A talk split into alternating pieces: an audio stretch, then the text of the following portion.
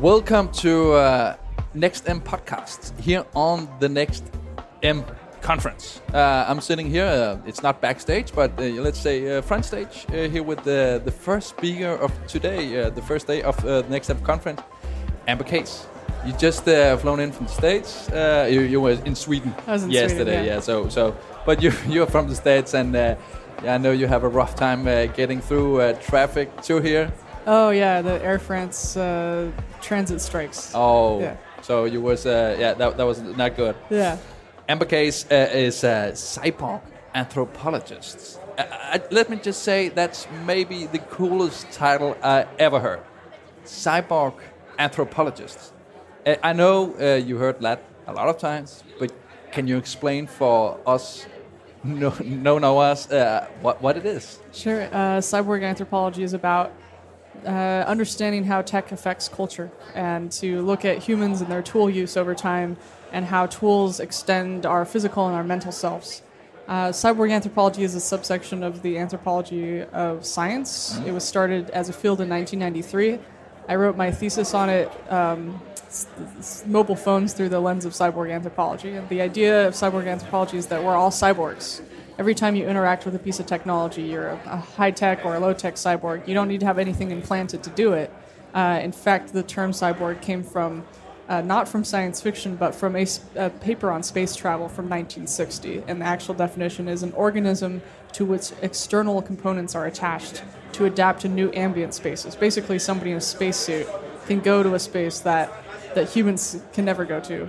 Um, uh, because they're just attaching something to their body. So we can we can adapt to the world outside of ourselves. So I wanted to study that because this new era is not just physical extensions of ourselves, but it's a faster and faster mental extension of ourselves when we use this really fast-paced technology and these new interfaces. Yeah, you, you talked about the calm technologies uh, and how the the technologies is both you know uh, stealing our attention maybe it doesn't have any situational situational awareness. Uh, what is calm technologies? When I was writing my thesis on mobile phones, I found Mark Weiser and John Seely Brown's work from Xerox PARC in the 80s and 90s. And Xerox PARC is where we got the graphic user interface, Ethernet, all these amazing inventions. It's, it's part of a printer company. You know, it it was it, the reason why they were so clever is that they didn't just have technologists uh, they had anthropologists and artists to counter just the tech. So they had they were more obsessed with aesthetics and the human side, and they said, you know, humans and technology should work alongside each other, and technology should empower people, uh, not just cause them issues where they're on hold all the time or they're terrified of the interface. Like we shouldn't just have technology for technology's sake. The technology should help us be more human and connect with each other. So they came up with all these concepts uh, it was pre-internet, pre-internet of things. Um, Mark Weiser, one of the founders, died, and he didn't even see the ubiquitous computing era that he predicted. And so we don't we don't have his voice anymore. And so when I found that when I was doing my research, I said, "Oh my gosh, I have to bring back this calm technology."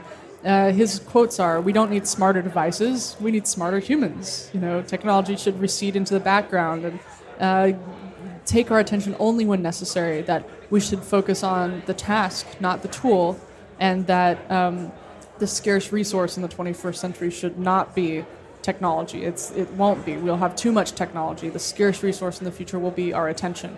And how devices take advantage of our attention or distract it will make or break future experiences. But what, what can we do about it? Well, what we can do is two things. One, we can design better things, but we can also design our lives a little bit better.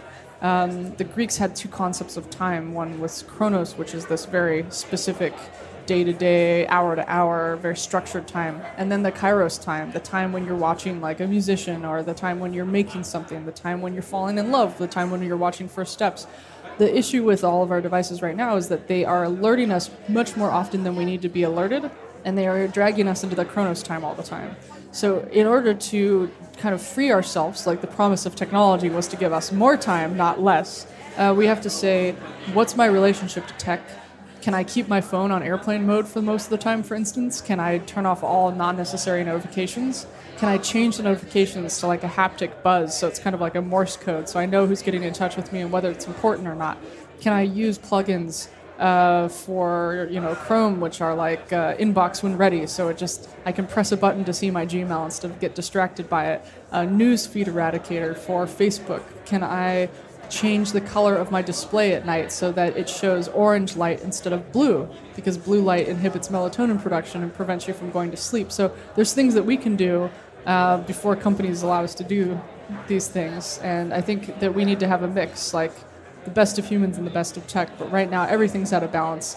Tech isn't having very much fun, and we aren't because it's full of bugs, it's rushed, and we need things that last a really, really long time. And right now, it's your device will turn against you if you hold it for more than a year. So how, how long is that uh, in the near future? Well, it's just like everything. We'll have some companies that do very high quality, and we'll do some companies that do really low quality. And it's never going to be 100% because it's, like nature. You know, you don't have 100% perfect trees. You have some weird trees on the sides. We need to have variety, and we need to have people be able to make a choice.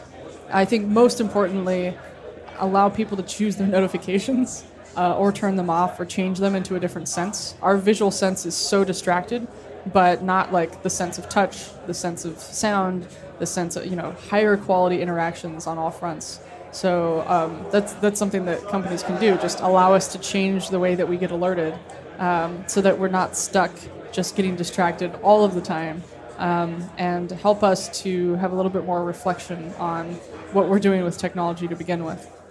You talk about the, this this pump for uh, with, with, insulin. Uh, that's can you tell uh, the, the, the stuff you, you talked about on stage? Sure, sure. So I, I had an employee that had an insulin pump installed, and he was really excited until he realized that the insulin bump pump until he realized that the insulin pump beeped and he couldn't turn it off. And so when he was at weddings or funerals, it would be really obnoxious when he was in a show, he wouldn't hear it and he'd forget to fill it with insulin, and so it could be life threatening. So he set a timer on his phone and had that buzz him. So, so the the pump did only beep.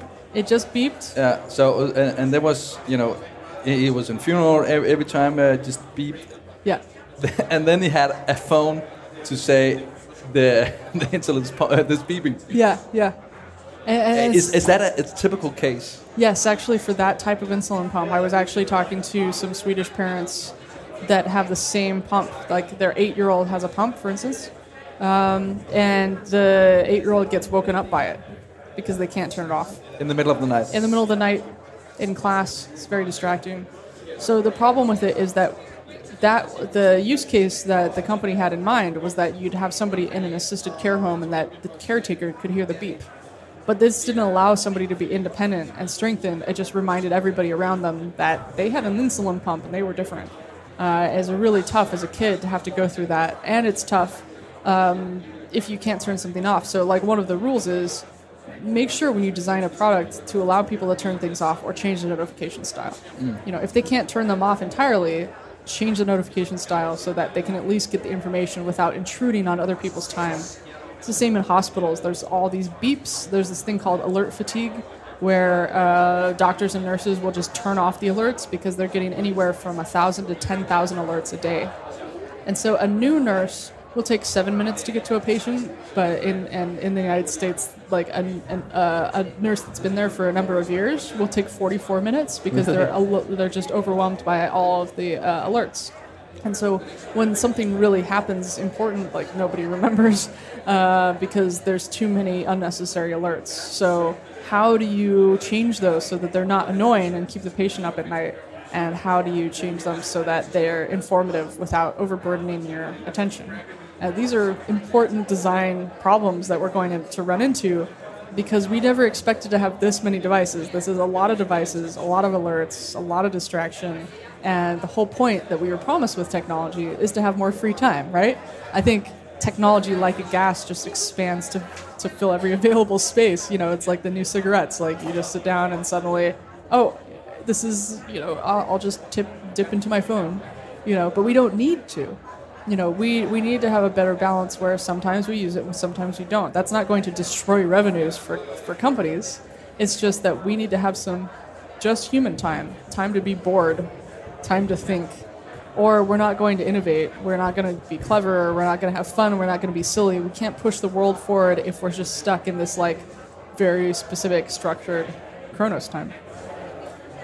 So th- this is uh, I can I have another uh, do not have an insulin pump or anything like that, but I can I can relate to this uh, alert fatigue, like you were saying. Yeah. Uh, you know, on the phone you can turn it off, uh, do not disturb, stuff like that.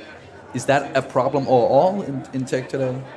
All over the place. Yeah. All over the place. Yeah, and, and you know, in, in a lot of this distractive tech, like one of the, one of the things to do. I mean, if you just keep your phone on airplane mode a lot of the day, then you can decide when you want to tap into your phone. you know? Yeah, but now you're hitting the point of the problem here because Yep. if, let, let's just say we, we're sitting here on the conference. Uh, there's a lot of uh, marketeers, uh, uh, tech media, stuff like that. Yeah. They they all want to have our attention. If if I want, let's let's say I'm a, a, a marketing uh, bureau and I want your attention because I have a cool new product, Yeah. and then you turn off your phone Yep. or put it on uh, flight mode, then you can't see what I'm doing or what I'm That's selling. right. That's right. So, so how is that combining these two? If, if I don't want to sell, but still need to be, you know, a better, a better technology uh, company. Yeah, well, uh, actually, it's pretty easy. Um, when people turn their phone off airplane mode, they'll probably go to something like Instagram or Facebook. And the cool thing about Instagram is that it's so visual that you have to do a really good job. Like there's there's kind of a bar for like the bar is set.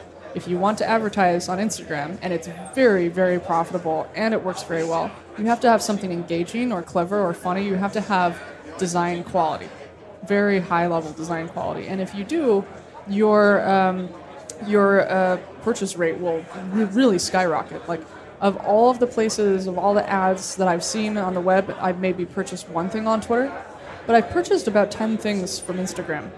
Because if I find you know an ad campaign or a piece of clothing or something like it's targeted to my interests, it's interesting, they have spent a lot of time doing something very high quality, heck yeah, I will definitely purchase it but I'm the one deciding that I want to be on Instagram at that moment, you know. So let's say I use Instagram way less because I have my phone on airplane mode most of the time. But when I'm on it, I'm really focused.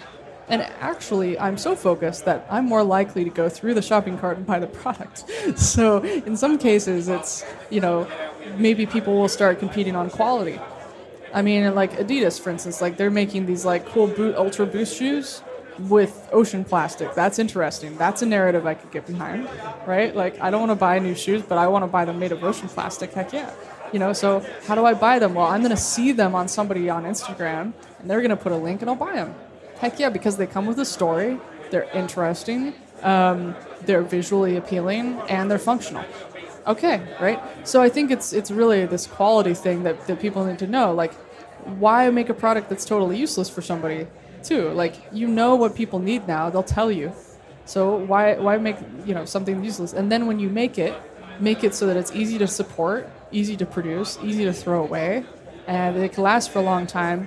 You know, companies that do that, like Philips, uh, they make a lot of money and they survive through crazy chaos. Like they survived through two world wars because of it, because people like those Philips razors so much that they had to have temporary peace negotiated on the supply chain so that everybody around the world could get it regardless of what side they were fighting on. I mean, that's that's a product, right? So we can look at some of those stories and we can say, what's the best from the past? What's good in the future? Let's blend those things and let's make long term quality products. There's a lot of money to be made at that. And in fact, you have to spend way less uh, marketing budget to do it, but the marketing budget ends up being high quality marketing budget. And then you can support, you can spend more of that money on customer support, uh, community engagement, events. Those are all marketing budgets. So you can take your marketing budget and say, okay, we're going to spend less here, but you're going to spend way more on building a community around the product. And then you're helping solve some problems of isolation and depression and, and anxiety that's caused by the social networks to begin with. So suddenly you're connecting to a product and it's becoming part of your life.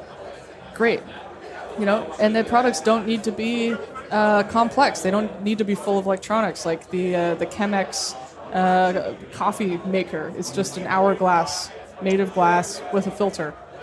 okay, I'm going to buy that and I'm going to tell everybody about it and then I'm going to give it as a gift because there's a culture and a process around it. It's about buying a, a, a minimal item that's beautiful, easy to clean, easy to maintain, and I, I enjoy it, right? And then I'll go to the coffee shop to buy beans, and then I'll take a photo. You know, it's it's it's this whole thing where, you know, I'm not spending less. I'm probably spending more because I see, you know, now I get all my fashion on Instagram, like, you know, so it's it's not like I'm ignoring things, but I'm going deeper and I'm having more quality interactions. And I think that's the only way to cut through everything is to focus on content to focus on quality, to focus on community, events. It's funny because we're sitting here at this conference, and even though everybody's on social networks here, they want to meet each other in real life. This is how stuff happens. This is how the business gets done. This is how the, the, the deals are made. It's these hallway conversations. So, um, you know, people are, are fearful. Oh no, marketing is doomed. It's like, oh no, it's never doomed. It will never be doomed, and it won't be roboticized. But some of the insights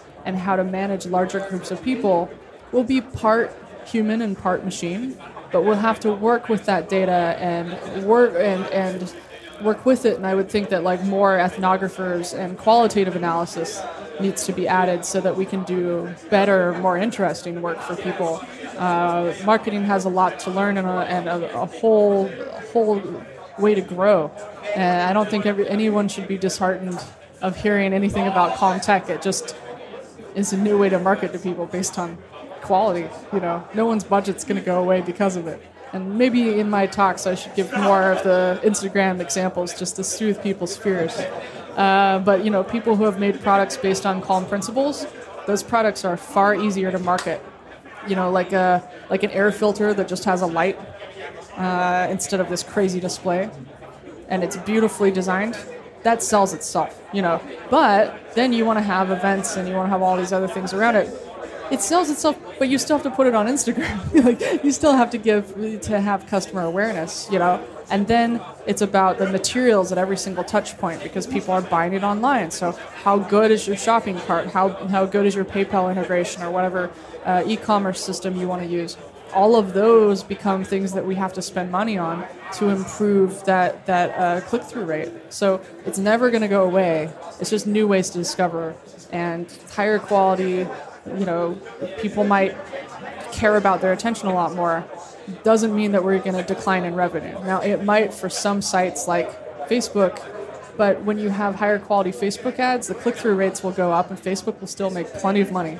So I don't think there's any threat to it. Uh, I think the threat is if you're lazy and you think that you can just spray people with messages and buy a lot, your click through rate will suck and you'll just run out of funding and your company will go away. So, you know, that, that's just the thing. It's like, it's been easy to just be kind of crappy at, at things, but the quality is the worthwhile investment. Very high quality will make a wonderful return. Yeah, it's it's we, we see a, t- a tendency about the uh, more screen time, then less screen time. You, you, you follow me. Uh, we see a, a bigger screens. This uh, go big, go home. The phones, and, yeah. and then then uh, you talked about uh, uh, Google Glass and uh, and stuff yeah. like that. Of course, it, that's screen time, but I guess the idea was that you had more intention.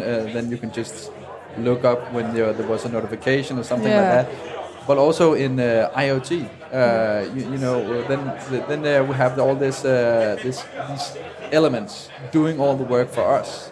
So we have a lot of spare time. But where do you see this going?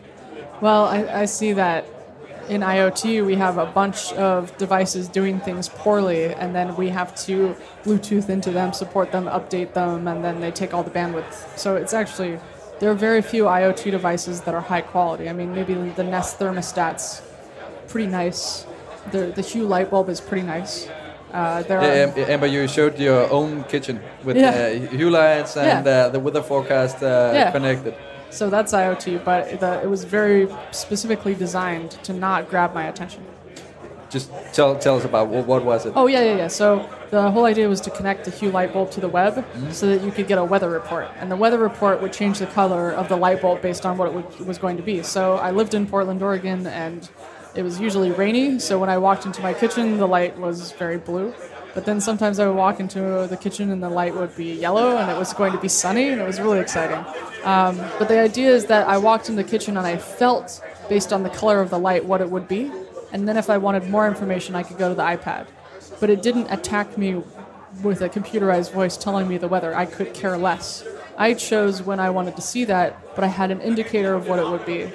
And I think that's that's kind of a crucial rewiring of, of what we expect. Like it's kind of like when you're you're driving in the countryside and you have this windy road and you gl- you get a glimpse of what you might see in the future and then you get to see it.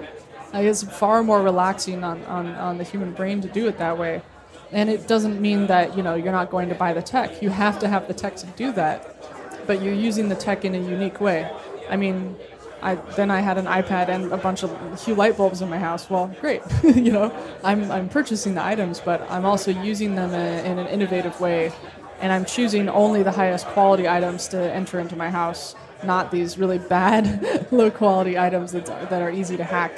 Um, it's the same, like, you wouldn't want, like, a really awful piece of furniture in your house. I mean, there's this is a whole Danish furniture that everybody's buying because it's super high quality and and it's made in this way that you can like lift it with one hand. You know, you look at American furniture; it's like these horrible, atrocious suburban, like you know, McMansion stuff. It, it, it doesn't make people joyful. Uh, it makes people miserable, you know, and they can't move it. It collects dust, you know. So I would say, you know, designing products like that, it's gonna they'll become classics they'll they'll be able to, to be bought for 20 years. That means a, a company that might be around for one or two has a long life. It means that they can support people who, you know, have families and, and are growing up, not just a flash in the pan for somebody who temporarily makes a little bit of money but will never be able to afford a house. I mean, there's there's these issues where you know you don't have people with like certainty or stability anymore because it's it's considered okay to make a cool product and then have it go away in a month or a year and there's no consequences for it. But I think that's really disappointing because those people leave behind no legacy. You know, and if you say, what's the purpose of life? It's like friends, family, a, a network, and leaving behind something.